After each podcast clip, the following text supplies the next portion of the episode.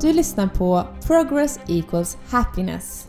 Podden där vi tillsammans utvecklas för att leva lyckligare. With me, Julia Björknert. And me, Anton Lundqvist. Ditt namn är mycket bättre att säga på engelska. I know. Björknert. Björknört.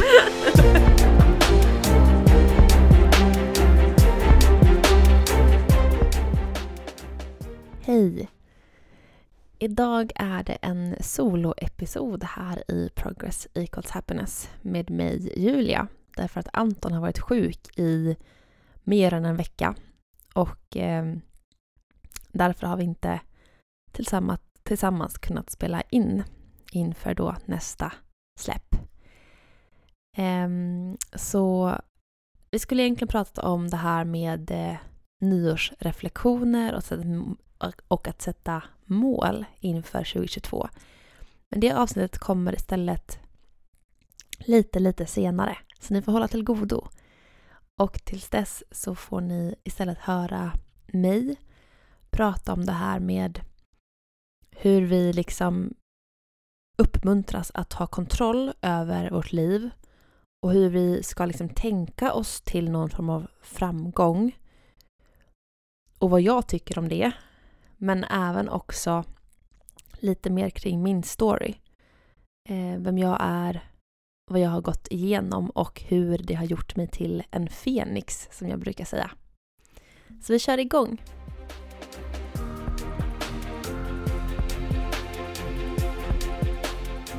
Jag lyssnade på en podd häromdagen där poddaren pratade om det här med att eh, ta kontroll över sitt liv genom att bestämma sig för att ens dåtid inte längre ska diktera ens framtid.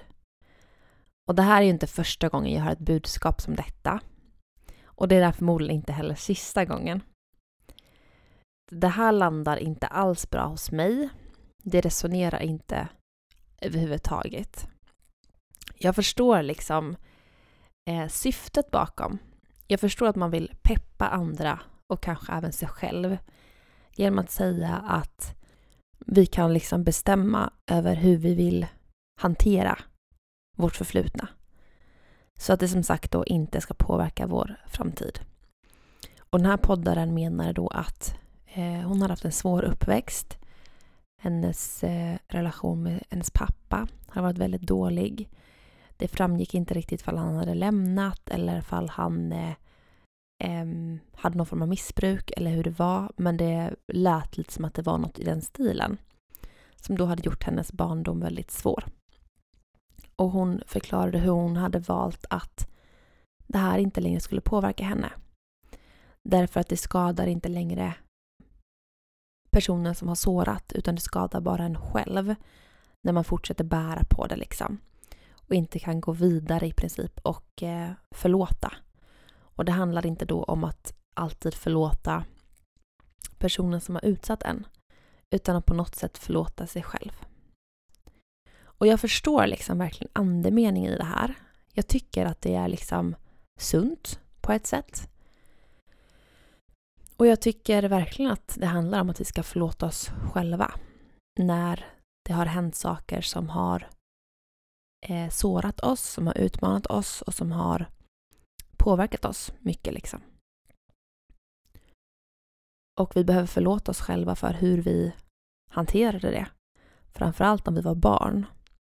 För vi kan inte förvänta oss att vi ska ha, ha hanterat det på ett specifikt sätt när vi liksom är barn och någonting händer.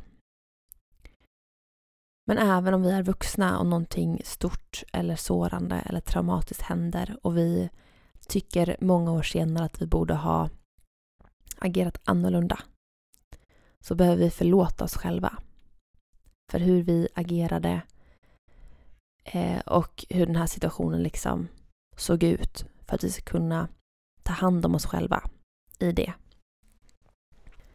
Så problemet då med att uttrycka sig så här att vi behöver bestämma oss för att släppa det som varit. Att vi behöver välja att tänka på vår nutid och vår framtid istället. Och att vi kan med tankens kraft komma framåt och välja att inte lägga energi på det som har varit svårt. Och att på så sätt därför inte längre vara i någon form av offerroll utan då ta makten över våra liv. Problemet med det här perspektivet som så många människor har med sig och som så många människor liksom preachar det är att det är inte så det fungerar. Vi kan inte med tankens kraft gå vidare från det som har sårat oss och varit svårt för oss. För när någonting händer i vår barndom och ungdom eller i vuxen ålder som är utmanande, svårt, sårande eller traumatiskt så påverkas inte bara liksom våra tankar utan hela vår kropp påverkas rent fysiskt. Vårt nervsystem påverkas. Vår hjärna och olika liksom då delar i hjärnan påverkas. Så vi kan inte bara välja att inte längre vara påverkade av det här. Utan vi behöver läka. Och läkningen sker inte bara i vårt sinne utan även i vår kropp och därtill också i vår själ. Så det vi då kan ha varit med om kan vara så vitt skilda upplevelser att det är svårt att liksom på något sätt ringa in allt. Men det finns många olika skeenden som kan ge oss själsliga sår. Och det kan vara då skeenden som har hänt en gång eller flera gånger eller som har varit ett tillstånd mer som man har levt i under lång tid. Som när man lever i en destruktiv relation exempelvis. Och det här då har påverkat oss. Det har varit på något sätt svårt, utmanande, sårande och som summering helt enkelt traumatiserande. Trauma som begrepp är någonting mycket liksom bredare än vad gemene man och även eh, i stor del traditionell liksom vård eh, ser det som. Så det som händer då om vi exempelvis växer upp med en eh, person som eh, är ett missbruk exempelvis. Det är att vi påverkas, vare sig vi vill det eller inte. För vårt nervsystem påverkas. Och vi kommer att använda vissa överlevnadsmekaniker som vi inte väljer medvetet utan som kroppen väljer åt oss. Så kroppen kan alltså påverkas om du växer upp i, en, i ett hem där det finns missbruk. Men det är inte bara eh, sådana saker som ändå många människor kan förstå är svårt. Utan det kan också vara traumatiserande eller då eh, ge själsliga sår.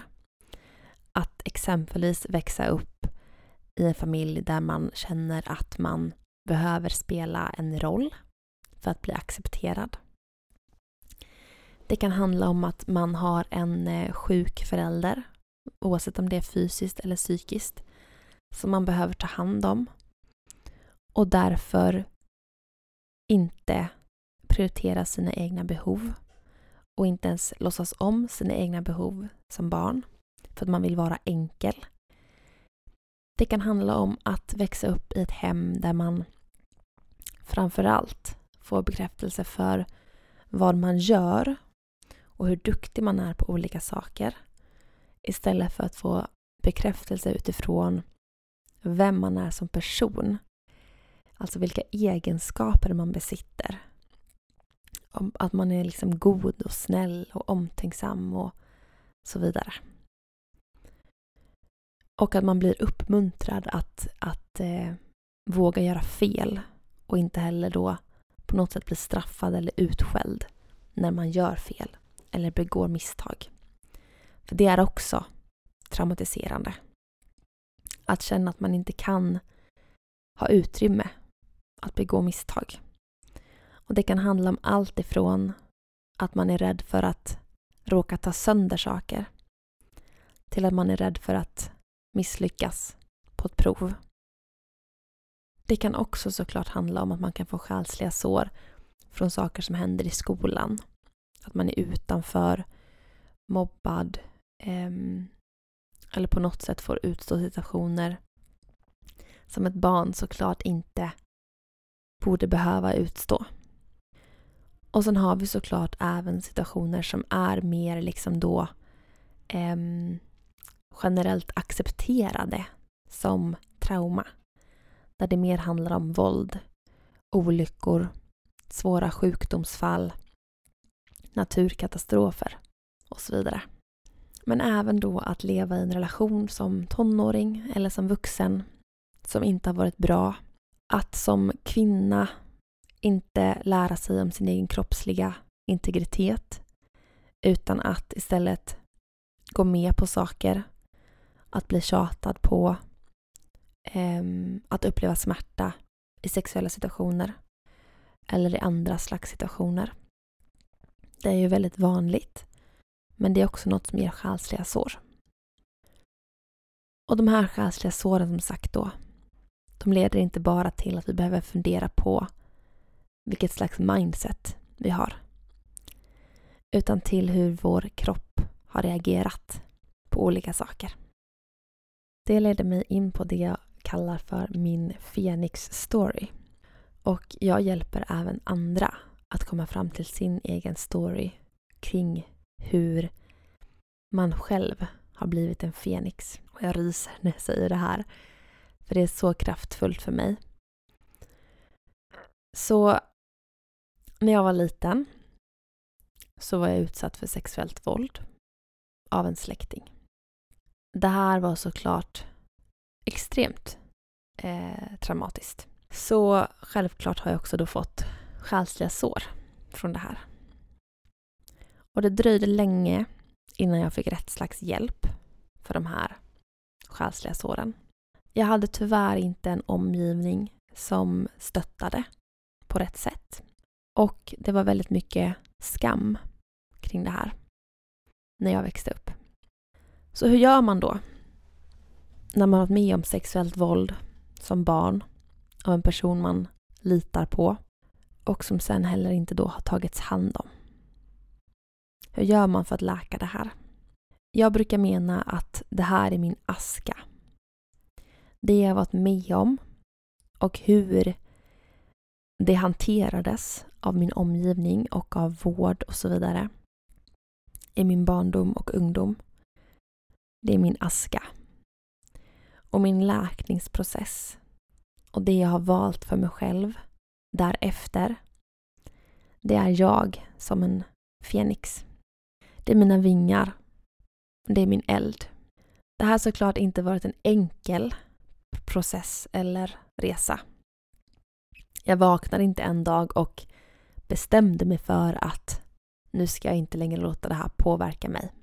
Utan snarare har jag behövt vakna varje dag. Och behövt bestämma mig för att jag ska läka det här.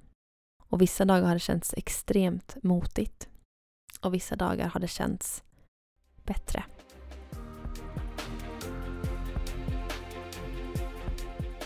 Jag bar några ord med mig under min läkningsprocess som jag fortfarande bär med mig för jag är fortfarande inne i min läkningsprocess. Och de orden var I am ready to heal and I am healing already. Jag är redo att läka och jag läker redan nu. Och Det här var så viktigt för mig att bära med mig. För det gav mig hopp om att jag faktiskt har kommit en bit på vägen redan nu. Och det gav mig också styrka i att jag är redo att läka. jag kan göra det här nu. Jag har förmågan. Och jag tänker ge det här till mig själv.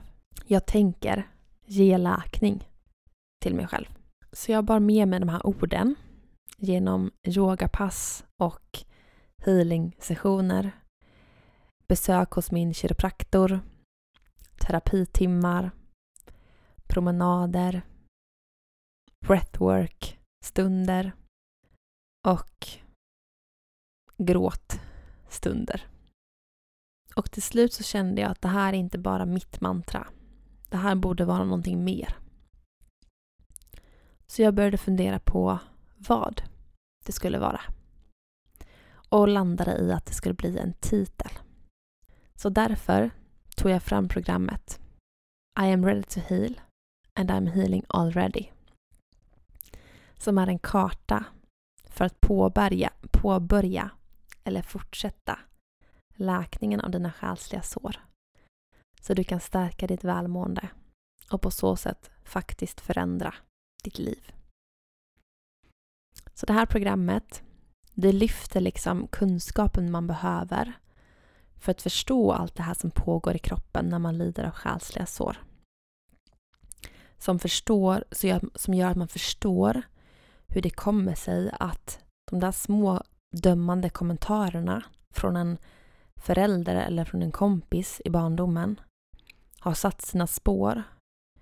Hur de har gjort det, varför de har gjort det och vad man kan göra åt det nu. Så att även om det, oavsett om det handlar om små kommentarer eller om det handlar om våld eller om det handlar om någonting däremellan så ser läkningsprocessen ungefär likadan ut.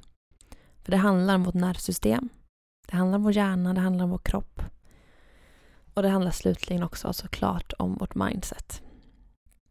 Men så viktigt att poängtera att det handlar inte bara och mindset. Det handlar inte om att bestämma sig för att sluta vara ett offer, ta av sig offerkoftan och göra något med sitt liv. Det handlar snarare om att läka och försiktigt och långsamt lägga bort offerkoftan. För det är inte konstigt att vi känner oss som offer när vi har varit offer. Jag har varit offer för sexuellt våld. Du har varit offer för något annat. Jag har varit offer för en omgivning som inte har stöttat eller bekräftat på rätt sätt. I allt detta. Och du bär på din story. Och din offerkofta. Jag kommer liksom inte skuldbelägga någon för att man bär den här koftan på sig. Utan jag uppmuntrar till att långsamt ta av sig den. Så att inte heller kroppen får någon form av chock av kyla. Utan vi ska resa oss från askan, hitta vår eld och bli en fenix. Och det här gör vi genom att läka. Så i det här självläkningsprogrammet som jag har tagit fram så finns det otroligt många övningar men också jättemycket då kunskap som är forskningsbaserad. Och allting blandas upp med liksom verkliga exempel från mitt liv. För att man ska förstå och kunna integrera det man läser. Och för att ta det här ett steg längre, då jag älskar att få möta människor på det här sättet, så har jag skapat det som kallas för läkcirkeln. Så i läkcirkeln så stärker vi vår egen självkärlek, självläkning och självutveckling. Det är en kurs och ett community i ett. Där man blir medlem i communityt och får vara medlem så länge man vill.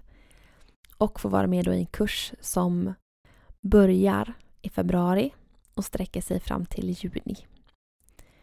Och man har tillgång till allt material under hela 2022 för att vi ska inte stressa oss igenom en läkningsprocess. Och varför jag har gjort det här det finns också liksom ett svar på det i min Phoenix story som jag kallar den.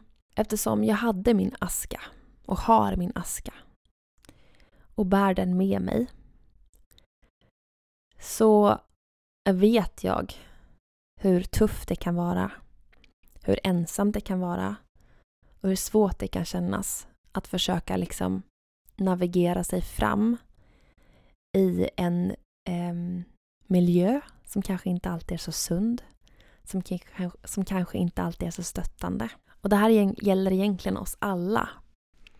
Därför en väldigt stor del av oss bär på själsliga sår.